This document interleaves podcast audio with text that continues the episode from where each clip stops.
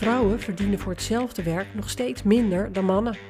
Joke Smit was daar ruim 50 jaar geleden nog heel optimistisch over. Ze was ervan overtuigd dat gelijke beloning wel snel een feit zou zijn. Want wie kon zich nou permitteren om daar tegen te zijn? Helaas had ze geen gelijk. Hoe absurd het ook is, de loonkloof blijkt een bijzonder hardnekkig probleem te zijn.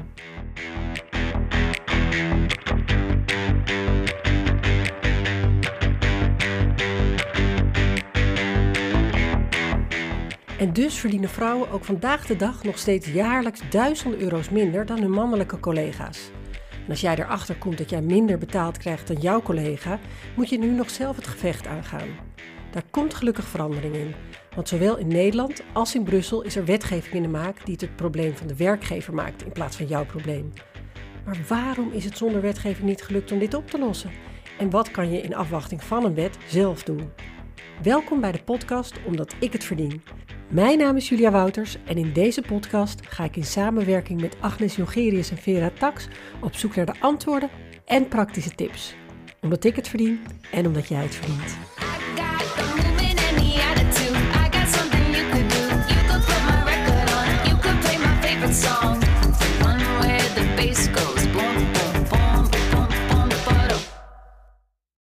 Zit hier met Belle Derks. Zij is hoogleraar sociale en organisatiepsychologie. En uh, ja, je hebt heel veel interessant onderzoek gedaan naar genderongelijkheid. Maar behalve dat je er dus heel veel van weet, kan je er ook altijd zo heerlijk begrijpelijk over uh, praten. Dus uh, vandaag wilde ik graag met jou over dit onderwerp praten. Mm -hmm. Welkom bij de podcast Omdat ik het verdien. Dank je voor de uitnodiging. Toen Joke Smit eind jaren 60 van de vorige eeuw haar essay schreef, Het onbehagen bij de vrouw, maakte een enorme opsomming van wat er allemaal nog niet deugde aan de gelijkheid tussen mannen en vrouwen. En ze was toen behoorlijk verontwaardigd dat uh, vrouwen voor eigenlijk hetzelfde soort werk nog steeds minder verdienden dan mannen. Maar ze was er ook wel optimistisch over. Ze dacht, uh, nou ja, dat probleem dat is echt iets dat moet snel tot het verleden behoren. Want wie kan er nou nog tegen zijn dat vrouwen en mannen hetzelfde geld voor hetzelfde werk krijgen? Dus ze, ze, ze zei, uh, je kan je tegenwoordig niet meer permitteren om voor reactionair te worden versleten. Maar we zijn inmiddels ruim 50 jaar verder. En uh, nou ja, we blijken toch reactionairder te zijn dan zij toen dacht. Want het uh, probleem is er nog steeds. Heb jij enig idee hoe dat toch komt dat het zo'n ontzettend hardnekkig probleem is? Nou, ik denk dat de reden dat zij dacht dat het zo opgelost was... waarschijnlijk had zij een vrij simpele uitleg van waarom dat verschil er was. Misschien omdat mensen discrimineren. Maar tegenwoordig weten we dat er zoveel verschillende processen zijn... die ervoor zorgen dat die loonkloof ontstaat. Dan is het dus ook niet zo makkelijk op te lossen. Nee, dat, uh, daar zou je groot gelijk in hebben. Um, heb je er zelf ook ooit ervaring mee gehad? Dat je het gevoel had dat je anders beoordeeld werd of ander loon kreeg? Nou ja, doordat ik dit onderzoek doe, let ik er natuurlijk heel erg op. Uh, maar het probleem is wel dat je dit soort verschillen pas ziet als je kijkt naar grote groepen mensen. En daarom is het in je eigen situatie vaak heel moeilijk om die andere persoon te vinden, die man, waar je heel goed mee kan vergelijken en waar, kan waar je kan zien, ja, dat klopt natuurlijk helemaal niet. Dus ik heb wel eens gedacht dat ik in onderhandelingen tegengewerkt werd en dat dat was omdat ik een vrouw was, maar ik kan er nooit, uh, ik, ik, ik kan dat niet zeker weten. Dus. Nee, dat is natuurlijk een groot probleem. Nou, ik heb een hele mooie brief gekregen uh, van een vrouw die beschrijft hoe dat voor haar werkte. Laten we daar even samen naar luisteren. Toen mijn vader hoorde dat mijn oudere broer filosofie wilde gaan studeren, zijn ze samen een stuk gaan rijden in zijn auto. Toen ze terugkwamen, was zijn nieuwe studiekeuze bepaald: bedrijfskunde. Een studie met een duidelijk perspectief op een goed salaris. Met mij hebben mijn ouders nooit gesproken over wat ik wilde worden, hoe ik genoeg geld zou gaan verdienen om een gezin te onderhouden. Ze vroegen alleen naar wat ik leuk vond. Dat was geschiedenisles. En zo koos ik mijn studie. Jaren later. Mijn broer werkt bij een bank in Londen en verdient zijn geld door bedrijven te adviseren over fusies en overnames. Ik maak tv-programma's. Ik vertel hem over een opdrachtgever die zo blij was met een serie die ik gemaakt heb. Ik wentel me in tevredenheid over alle lof die ik had gekregen. Zijn reactie was ontnuchterend. Iedere keer als ze je vertellen hoe goed je wel niet bent, moet jouw prijskaartje hoger worden. Betalen ze je nu meer? Mijn reactie was een stamelende ontkenning. Hij grijnsde en vertelde dat dit in zijn bedrijfstak een beproefde tactiek is. Heel veel complimenten over iemand uitstrooien in de hoop dat diegene niet over loonsverhoging zal beginnen. Volgens hem werkt het alleen bij groentjes en bij vrouwen. Ik heb en had geen plan. Als er een baan op mijn pad kwam die ik leuk vond, dan ging ik ervoor. Duurde het te lang om vervolgens weer een stap te kunnen zetten, dan ging ik weer weg. Zo ben ik ook van een vaste baan in de media zonder enige aarzeling in een ZZP-bestaan gerold. Ik heb geen enkele gedachte aan de financiële onzekerheid gewijd. Als iemand daar voorzichtig naar informeerde, voelde ik me reuzenstoer als ik antwoordde geen enkele zorg te voelen. Mijn eerste klus als ZZP'er was bij de werkgever waar ik net ontslag had genomen. De dagprijs was geen onderhandeling, maar een mededeling. Bij de tweede opdrachtgever nam ik het bruto loon dat ik had verdiend bij mijn laatste vaste contract als leidraad. Ik deed er een paar honderd euro bovenop om nog wat onderhandelingsruimte te hebben. Via de mail verzond ik mijn openingsbod. Al snel kreeg ik een telefoontje van personeelszaken. Ze zou net doen alsof ze mijn mail nooit gelezen had. En haar tegenbod was, ik heb het nog even opgezocht, 1800 euro per maand hoger. Waarom heb ik toen geen onderzoek gedaan naar dagprijzen die gangbaar waren in die tijd, in die beroepsgroep, en waarom heb ik niet serieus leren onderhandelen? Ik denk dat het ermee te maken heeft dat tot dat moment ik nog nooit geldzorgen had gehad. Geld voelde niet belangrijk. Als je een beroep alleen maar kiest omdat het leuk is, dan zul je minder hard vechten voor beloning dan iemand wiens leven letterlijk afhangt van die baan. Dat is volgens mij een belangrijke reden waarom vrouwen niet sterk staan in een onderhandeling over beloning. Waarom zouden andere mensen jouw waarde toekennen aan jouw werk als je dat zelf niet eens doet? De ware noodzaak om met mijn werk genoeg geld te gaan verdienen is pas echt tot me doorgedrongen toen ik al twee kinderen had en de crisis van 2008 zich ook in de televisiewereld deed gelden. Ineens begreep ik waarom mensen die geldzorgen hebben niet optimaal functioneren als ouder. Mijn man verdient weinig in de horeca, dus het gezinsinkomen komt grotendeels van mij. Iets wat mijn ouders zich jaren geleden nooit hadden gerealiseerd. Mannen als huisman en vrouwen die de kost verdienen. Weer even terug in de tijd. Ik ben 16 jaar en heb geld gespaard voor een stereotoren. Ik heb net niet genoeg geld voor de mooiste, beste set met goede speakers. Dus ik weet dat er niks anders op zit dan mijn vader mee te nemen. Hij krijgt het namelijk altijd en overal voor elkaar om korting te bedingen. Grijnzend van de voorpret loopt hij de elektronicazaak in. Ik probeer me zo klein mogelijk te maken. Terwijl ik duizend doden sterf van schaamte, kletst hij met de verkoper. Hij krijgt korting en regelt er nog een Walkman bij. Een onderhandeling over geld voelt voor mij als een conflict. En als ik iets wil vermijden in het leven, dan zijn het conflicten. Daar zit een wereld achter van de cultuur waarin we opgroeien, de opvoeding die we krijgen, de manier waarop meisjes anders gewaardeerd worden dan jongens. Als onderhandeling een spel is, zoals mijn vader en broer het ervaren, en niet een emotionele botsing, zoals ik dat voel, dan ga je daar toch op een heel andere manier mee om. Dan is het niet iets om te mijden, maar grijnzend van voorpret je op te verheugen. Nou, prachtige brief vind ik. Heel mooi geschreven ook. Wat valt jou daar als eerste in op, in haar verhaal? Nou, ik vind het een heel mooi rijk verhaal, waar dus weer allerlei verschillende aspecten in zitten. Ehm, aan het begin van de brief heeft ze het over hoe zij uh, en haar vader, hoe haar vader wel haar broer voorbereidde op de arbeidsmarkt, maar haar niet.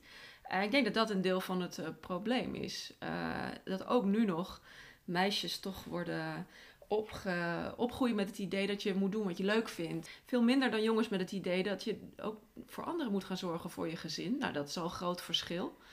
Um, dat is ook een rijkdom, denk ik, dat meisjes vaker kiezen ja. wat ze echt leuk vinden. Terwijl jongens ook heel erg nadenken, wat ga ik daarmee verdienen? Dus het heeft te maken met hoe je voorbereid wordt, maar daarna ook uh, met, uh, met zowel wat mensen je gunnen qua salaris. Uh, en ook wat je zelf vindt dat je, dat je waard bent. En dat die, die broer van haar dus al veel beter het idee had van... Uh, je, moet wel, je moet wel vragen. En dat zij daar... Dat, dat veel minder had. En ik denk dat dat belangrijke aspecten zijn. Maar dus ook het leven wat zij leiden, waardoor ze minder het minder nodig was om, om, om veel geld te verdienen. Totdat ze een gezin heeft en, en de, de hoofdkostwinner is. Ja, want dat speelt natuurlijk ook mee. Hè? We zijn gewend om in rolpatronen te denken, zelfs als we dat niet heel bewust doen. Ehm, en zij bevindt zich nou in de situatie dat zij het meeste geld binnenbrengt en haar man veel minder en meer voor de kinderen zorgt. Hoe denk je dat dat ons beïnvloedt? Ja, ik denk dat dat, dus die, die sociale uh, rollen die we hebben in de maatschappij, uh, de rollen die we aan mannen toebedelen, de rollen die we aan vrouwen toebedelen, dat die veel meer invloed hebben dan we denken. Um, zowel voor de socialisatie van mannen en vrouwen. Dus wat willen zij eruit halen in hun leven? Wat, wat vinden ze dat ze waard zijn? Hoeveel zouden ze betaald moeten krijgen? Maar ook uh, in, in, in werksituaties is wat je betaald krijgt, is ook wat mensen je gunnen. Ja. En je zit ook tegenover iemand die die rolpatronen uh, onbewust meeneemt en denkt. Uh, bij een man, nou, we moeten hem goed betalen, want hij moet zijn hele gezin daarvan onderhouden. Terwijl bij een vrouw denken we toch, nou ja, heeft ze dat geld echt nodig? En dat soort dingen zie je echt nog een rol spelen in, de, in, de, in het aanbod dat mannen en vrouwen krijgen in de salarisonderhandelingen, waar ze dus ook genoegen mee nemen. Iets wat je ook moet realiseren is dat als jij wil um, bedenken of een, een, een aanbod wel goed is dat je je gaat vergelijken met andere mensen. En uh, mensen zijn heel erg geneigd om zich te vergelijken met mensen van hetzelfde geslacht. Dus je vriendinnen of je vrouwelijke collega's zijn heel zelden maar met mannen. En zo komen we er dus ook helemaal niet uh, achter. Dus dat is ook alweer een onderdeel van die uh, loonkloof. Nog maar niet te spreken over dat mannen en vrouwen gewoon in verschillende sectoren werken. Ja, want Um, Waar veel minder verdiend wordt door vrouwen. Ja, want wat mij aan het denken zet, hè, uh, deze briefschrijver beschrijft over dat zij vooral gevraagd werd naar wat ze leuk vond. Maar wat we leuk vinden, dat wordt ook natuurlijk bepaald door of we een mannetje of een vrouwtje zijn. Dus ja. er zijn uh, sectoren zoals de zorg en het onderwijs en zo die worden slecht betaald. Zal, dat er ook iets mee te maken kunnen hebben dat wij denken dat vrouwen dat leuk vinden en dat geld daar dus minder belangrijk in is? Ja, dat denk ik wel. Uh, je ziet uh, dat sectoren waar uh, meer vrouwen naartoe komen, dat de mannen daar wegtrekken. Dat zie je bijvoorbeeld bij de artsen gebeuren. En zeker bepaalde specialismes. En dan zie je dat daar het loon omlaag gaat. Of dat ze daar regelingen gaan bedenken, zodat, zodat er een plafond komt op het salaris. En sociologen hebben laten zien dat dat wel uh, de volgorde is van er komen vrouwen bij en het salaris gaat naar beneden. En ik denk dat het een combinatie is van het idee uh, die vrouwen hoeven geen uh, gezin te onderhouden en um, dat vrouwen zelf niet doorhebben dat dat gebeurt. Ja. En de, deze briefschrijver zegt ook: Ik heb en ik had geen plan. Dus ze, ze, ging gewoon, ze huppelde door het leven en ze zag al wat er gebeurde. Um, denk je dat dat ook iets typisch is wat vrouwen hebben? Of is dat is, dat, is daar helemaal wat niks Ja, maar dat heeft dus te maken met die rollen. Want als je vrouwen vraagt naar het plan voor een gezin opbouwen, dan hebben mannen daar juist weer geen plan uh, voor. Um, dus ik denk dat dit heel domeinspecifiek is. Vrouwen zijn vaak niet van jongs af aan al uh, dat ze het erover hebben van wat wil je laten worden en dat je iets wil doen waar je veel geld mee gaat verdienen. Dat hebben mannen meer. Um, en ja, de, ze schrijft ook over dat de, de, nou ja, de waarde van geld en de waarde van werk voor haar anders was. Maar wat ik een hele uh, geestig voorbeeld vind, is dat ze met haar broer zit te praten. En dat uh, ze vertelt dat ze heel veel uh, complimenten dus van een werkgever heeft gekregen. En dat hij meteen zegt, heb je wel door dat dat een trucje is? Ja, dat vond ik wel erg om te horen. Dat, ja. dat had ik me eigenlijk ook nooit zo goed gerealiseerd. Ik denk dat dat ook te maken heeft en ook met hoe moeilijk ze het vindt om daar te, om dan aan het einde hè, van hoe moeilijk het is om te onderhandelen. Dat dat ook, um, we willen graag, we worden als vrouwen ons hele leven al geleerd dat het belangrijk is dat dingen aangenaam zijn. En dat we aardig zijn en dat, we, dat de, de, relaties soepel lopen. En dat maakt het natuurlijk heel moeilijk om hier wat uh, uh, van te zeggen. Maar juist dus als je die complimenten krijgt, dan, is het, dan denk je, ja, dat is waar ik, uh, waar ik energie van krijg. Ja. Um, dus ik vond dat wel een eye-opener, want ik had het me nooit zo gerealiseerd. Maar het past wel heel goed bij uh, verschillende soorten um, doelen die mensen, die mannen en vrouwen hebben. Dus mannen meer dat ze geroemd worden op hun capaciteit en dat daar uh, boter bij de vis komt. Om, ja, omdat hun waarde ook afhangt van hoeveel geld zij uh, weten binnen te brengen.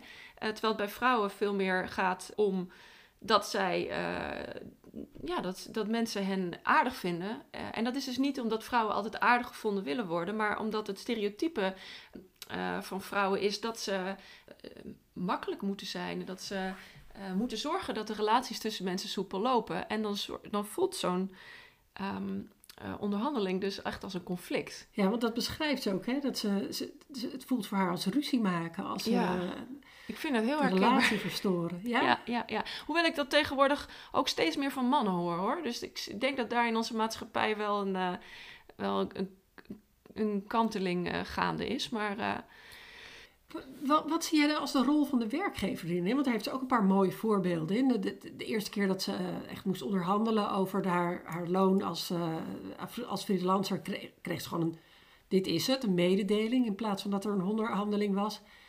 Denk je dat dat zo is? Of, eh, nou, dat hangt, dat, dat hangt heel erg van de sector af. Ehm, je ziet bijvoorbeeld dat de loonkloof in de eh, publieke sector veel kleiner is dan in de private sector. En dat dat ermee te maken heeft dat in de publieke sector je van die loonhuizen, van die systemen hebt waar je nog steeds wel on- onderscheid kan maken, maar het, het kan niet zo enorm uiteenlopen. En dan zie je dat de loonkloof dus eh, kleiner wordt. Dus als werkgever kan je ofwel denken we proberen iedereen voor zo min mogelijk geld te laten werken en dan krijg je enorme verschillen. Of je kan je verantwoordelijkheid nemen eh, en zorgen dat eh, binnen bepaalde functies iedereen ongeveer hetzelfde verdient.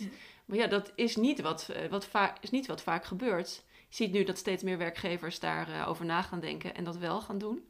Maar dat betekent dus ook dat enorme salarissen onderhandelen niet meer mogelijk is. ja, En daar gaan mensen natuurlijk ook tegen in het geweer. ja, Dus ja. Ja. Maar ja, voor iemand die dat dus moeilijk vindt, is dat eh, een groot voordeel. Ja, Ehm, ja, ze, ze had die mazzel dat die HR-dame haar hield en dat veel te lage bedrag wat ze vroeg eh, negeerde. ja. Eh, dus dat is een mooi voorbeeld. Ja, dat is ook een voorbeeld hoe je dus afhankelijk bent voordat iemand anders je wat gunt. Of misschien had zij iemand tegenover zich die dit vaker had meegemaakt en gedacht: nee, we moeten dit gelijk trekken, dus ik doe net alsof ik dat niet zie. Ja. Maar die, die, die ja, zeg maar vooroordelen of die verwachtingen en dat gunnen wat je beschrijft, hè, hebben mannen ten opzichte van vrouwen daar nou meer last van? Of hebben vrou- behandelen vrouwen je, andere vrouwen net zo? Heb je mazzel? Want dit, dit was, deze HR-dame was dus een vrouw. Eh, Heb je meer mazzel als je tegenover een vrouw komt te zitten, denk je? Of, nou, niet per se, want dat hangt er heel erg vanaf hoe zij haar rol opvat. Ik heb ook wel eens tegenover, bij HR zitten natuurlijk veel vrouwen. En ik heb, de, de enige ervaring die ik heb gehad waarbij ik dacht, nou, daar klopt hier helemaal niks van. Dat was met een vrouw die tegen me zei, ja, maar je moet heel blij zijn dat je überhaupt werk hebt. Ik ken heel veel mensen die geen werk hebben. Ja. Ik dacht, nou, ja, Dat is een hele rare situatie. Willen jullie mij of niet? Eh, Dus ik denk dat het niet zo met geslacht te maken heeft, omdat eh, de reden dat dit gebeurt eh, maar zelden echt eh, seksisme is. Het heeft veel meer te maken met de verwachtingen die we van mannen en vrouwen hebben. En die verwachtingen hebben we in onze maatschappij allemaal. Dus ook de vrouw die tegenover je kan zitten voor de salarisonderhandeling. Ja. Die kan ook denken bij een man, ik vind het logisch dat hij onderhandelt. Maar bij een vrouw, ik vind haar toch wel erg pushy dat ze zoveel Ja. wil. En daar zit het hem in, hè? Dat je... ik herken dat ook wel. Want ik heb inderdaad eigenlijk bijna de meeste loononderhandelingsgesprekken die ik zelf had, waren ook met vrouwen. En ik heb denk met de man nog wel eigenlijk een positievere ervaring gehad dan met de vrouwen die ik dat had. Maar misschien is dat ook een beetje de, het soort vrouwen die dat leuk vindt om te doen, dat die juist weer heel goed kunnen onderhandelen en daar een sport van maken. Ehm, wat jij een beetje beschrijft is dat onze verwachtingen en wat we gunnen van vrouwen dus eh, invloed hebben over hoeveel eh, geld we mensen gunnen en wat ze krijgen. En hoe je zelf ook daarin in durft te vragen. Heb je daar, eh, ja, je bent natuurlijk een wetenschapper, dus het is helemaal niet jouw taak om tips te hebben, maar heb je daar tips over? Van wat, wat, wat moet daarin veranderen? Wat, wat kan je zelf doen? Wat, wat kunnen werkgevers doen? Wat moet de overheid doen? Ja. Heb je tips? Kijk, omdat het uit allerlei verschillende kanten komt, zullen er verschillende dingen moeten gebeuren. Werkgevers, als ze willen dat hun loonkloof eh, vermindert, dan moeten ze ten eerste een, eh, een ehm, systeem hebben waarin ze aan verschillende banen eh, een bepaald salaris hangen en dat er weinig variatie mogelijk is. Eh, maar er zal altijd wat verschil onder, eh, ontstaan. Dus werkgevers, ehm, als ze van hun loonkloof af willen, zullen nou jaarlijks moeten onderzoeken hoe het bij hun zit. En of, zij, of er een verschil is tussen wat zij mannen en vrouwen betalen. En dat is van de kant van werkgevers. Aan de kant van mannen en vrouwen zelf eh, is het heel belangrijk dat jij van tevoren goed onderzoek doet. Van wa- wat ben ik waard, wat krijgen andere mensen betaald. Eh, ja, en je daar goed op voorbereidt. En ehm, dat rottige gevoel wat je daarbij hebt. Ja, dat, ik, ik zelf vind altijd, ehm, en ik denk dat dat ook wel klopt. Als je je realiseert voor wie je nou eigenlijk zit te onderhandelen. Kijk, heel veel mannen die onderhandelen met het idee, ja, ik onderhoud een gezin. Onderhandelen is veel makkelijker als je het voor iemand anders doet. En dat Ja. past dan misschien ook weer meer wat wij, bij wat wij vrouwen geleerd hebben. Eh, sinds ik eh, me realiseer dat ik eh, een groot deel van het geld hier binnenbreng. En dat ik, als ik daar meer van binnenbreng, dat prettig is voor mijn kinderen. En voor hoe dingen hier kunnen lopen, vind ik het een stuk makkelijker om te bedenken. Wat vind ik billig en wat wil ik dus ontvangen. Eh, Ja. En daardoor is die ervaring eh, minder vervelend. Ja, en als je dat dus niet hebt, hè, want dat, dat beschrijft deze briefschrijfster ook, hè, sinds dat ze kinderen heeft en dat ze als ZZP'er echt moet vechten, dat het ook makkelijker voor haar is, omdat er echt wat van afhangt. Ja. Maar als je dat niet hebt, moet je je dat misschien gewoon voorstellen, dat dat ook voor jou geldt. Ja, wat ik trouwens nog wel even wil zeggen dan, is dat als we het hebben over de loonkloof, dan gaat het heel vaak over dat, ehm, dat vrouwen misschien zich beter voor moeten bereiden en dat zij eh, meer moeten vragen. Maar eigenlijk zie ik eh, de onderzoeken die ik de laatste tijd voorbij zie komen, en ook het onderzoek dat ik zelf heb gedaan naar de loonkloof in de wetenschap, eh, zien we dat vrouwen vaak meer onderhandelen dan mannen. Dus het is mogelijk zo dat omdat we de laatste jaren heel veel praten over de loonkloof, dat de meeste vrouwen inmiddels wel weten ehm, dat ze op hun strepen moeten staan en dat als ze niet goed onderhandelen, dat ze minder betaald krijgen dan mannen. Eh, en in dit onderzoek wat we bijvoorbeeld in de wetenschap hebben gedaan, zien we dat vrouwen rapporteren dat ze stevig onderhandelen, meer dan mannen. En dat heeft onder andere te maken met dat er meer valt te onderhandelen, omdat ze op meer junior posities zitten. Maar als je dan vervolgens vraagt, eh, ben je tevreden met die uitkomsten, zijn ze veel minder eh, tevreden. En het kan natuurlijk zijn dat vrouwen eh, chronisch minder tevreden zijn dan mannen. Maar wij denken dat het te maken heeft met eh, de kant van de werkgever en dat die dus eh, minder daarin meegaat. Dus ik zou zeggen, het aanspreken van vrouwen op beter onderhandelen, volgens mij is dat gelukt. Eh, en moeten we nu gaan kijken wat kunnen werkgevers doen om eh, te zorgen dat die lonen gelijk worden getrokken. En misschien heeft dat ook wel te maken met minder ingaan op de stevige onderhandelingspogingen van mannen. Ja, ja. En eh, ja, Ja.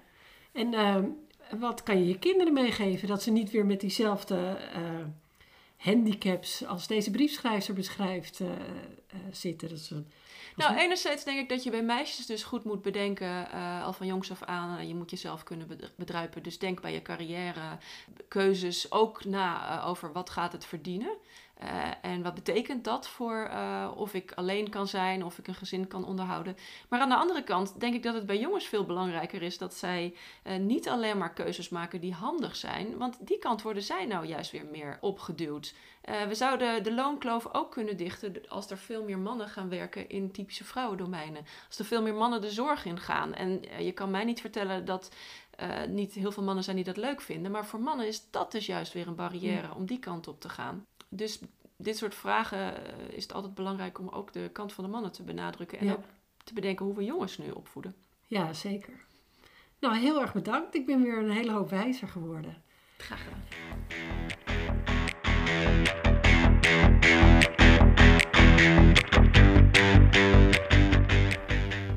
Elke aflevering delen inspirerende vrouwen hun verhaal of tip. En dit is de tip van. Dit is de tip van Agnes Jongerius. In 1987 eh, ben ik eh, begonnen als vakbondsbestuurder bij de Vervoersbond FNV. Ehm, daar werkten natuurlijk eh, ehm, niet heel veel vrouwen nog. We waren de eerste lichting vrouwelijke bestuurders. Maar er waren al helemaal niet veel vrouwen die werkzaam waren in de vervoerssectoren. Dus ja, er waren bijvoorbeeld wel stewardessen, cabinepersoneel. Maar dat cabinepersoneel kreeg destijds gewoon nog een tijdelijk contract, omdat ze zeiden: ach, na zeven jaar zul je wel gaan trouwen eh, en eh, zorgt de man wel voor het inkomen. Het heeft dus nog best lang geduurd, begin jaren negentig, dat die vrouwelijke stewardessen afgedwongen hebben dat ze ook in vaste dienst mochten eh, komen. Eh, want eh, zij zeiden, eh, ja, hoezo ben ik afhankelijk van het inkomen van mijn man? En da- daarnaast, ehm, de mensen met een tijdelijk contract waren uitgesloten van deelname aan het pensioenfonds. En dus ze zeiden formeel niet bij KLM vrouwen mogen niet in het pensioenfonds. Maar als je al je vrouwelijk cabinepersoneel een tijdelijk contract geeft en vervolgens het tijdelijk personeel uitsluit van deelname het pensioenfonds, zie je dus dat daarmee die vrouwen geen pensioen opbouwden uh, en dus alleen al daarom uh, ongelijke beloning hebben uh, en het is met een beroep op de Europese regels die zeggen in het Europese verdrag mannen en vrouwen moeten gelijk beloond worden dat deze dames via de rechter een vast contract en dus ook deelname aan het pensioenfonds hebben afgedwongen. Ook uit die tijd dateert mijn ervaring met de vrouwelijke buschauffeurs. Toen uh, wij in 1987 uh, begonnen bij de vervoersbond, waren er eigenlijk nauwelijks vrouwelijke buschauffeurs. Was dat nog echt een mannenberoep. En ik herinner mij dat er eigenlijk ook best veel weerstand was tegen het maken van afspraken. Dat vrouwen ook konden instromen in, in dat vak. Nu zou je denken, waar gaat het eigenlijk over? Een vrouw op de bus is toch eigenlijk vrij gebruikelijk. Maar dat was toen nog helemaal niet. En uh, we hadden dus uh, ledenvergaderingen waar de mannelijke chauffeurs zeiden: ja, ja, ja, ja, ja, als die vrouwen ook op de bus willen, dan moeten we zeker ook uh, vrouwelijke uniformen hebben. En voor je het weet, moet er zeker ook een damestoilet op de halte of de eindplaats zijn. Wat kost dat allemaal wel niet? Ik wou zeggen, er is tussen 1987 en nu best veel veranderd. Ook wel dankzij strijd uh, van die vrouwelijke stewardessen uh, en van die vrouwen die graag buschauffeur wilden worden zelf. En mijn echte geheime tip is: kijk niet zo tegen je bazen op. Uh, ik heb van een van mijn oud-collega's geleerd. Stel je tegenstander voor als iemand die er ook gewoon in zijn onderbroek bij zit. Dan hoef je er niet zo tegenop te kijken en ben je misschien minder snel geïntimideerd uh, en als er in eerste instantie dan nee gezegd wordt, dan durf je ook makkelijker te zeggen: en met dat nee neem ik geen genoegen. Omdat dit de eerste aflevering is, volgt hier ook nog de tip van Vera Tax. Toen ik de allereerste keer om loonsverhoging vroeg aan mijn eerste werkgever, was het antwoord een duidelijke nee. Nee, ik vind ook dat jij meer verdient, maar je bent te slim voor deze functie. Jij vertrekt toch wel weer een keer. En mijn andere werkgever? Nee, ik vind ook dat jij meer verdient, maar ik kan het helaas niet betalen. Dus in beide gevallen was de nee het begin van een duwtje in de rug, zodat ik verder ging zoeken, een andere baan vond en uiteraard meer salaris kreeg. Dat gun ik jou ook. Dankjewel voor het luisteren. Je kunt omdat ik het verdien blijven volgen op sociale media. Je kunt ook de website bezoeken op omdatikhetverdien.nl. En hier kan je jouw verhaal delen, vind je veel informatie en houden we je op de hoogte van evenementen. Ook kan je hier de petitie ondertekenen om te laten weten dat jij het ook hoog tijd vindt dat Joke Smit, weliswaar 50 jaar te laat, toch nog gelijk krijgt en we de loonkloof zo snel mogelijk in het museum kunnen zetten. Vergeet ons niet te volgen op Spotify en de podcast te delen met anderen, zodat zij die ook kunnen vinden. Want vergeet niet, ik verdien het, jij verdient het, we verdienen het allemaal.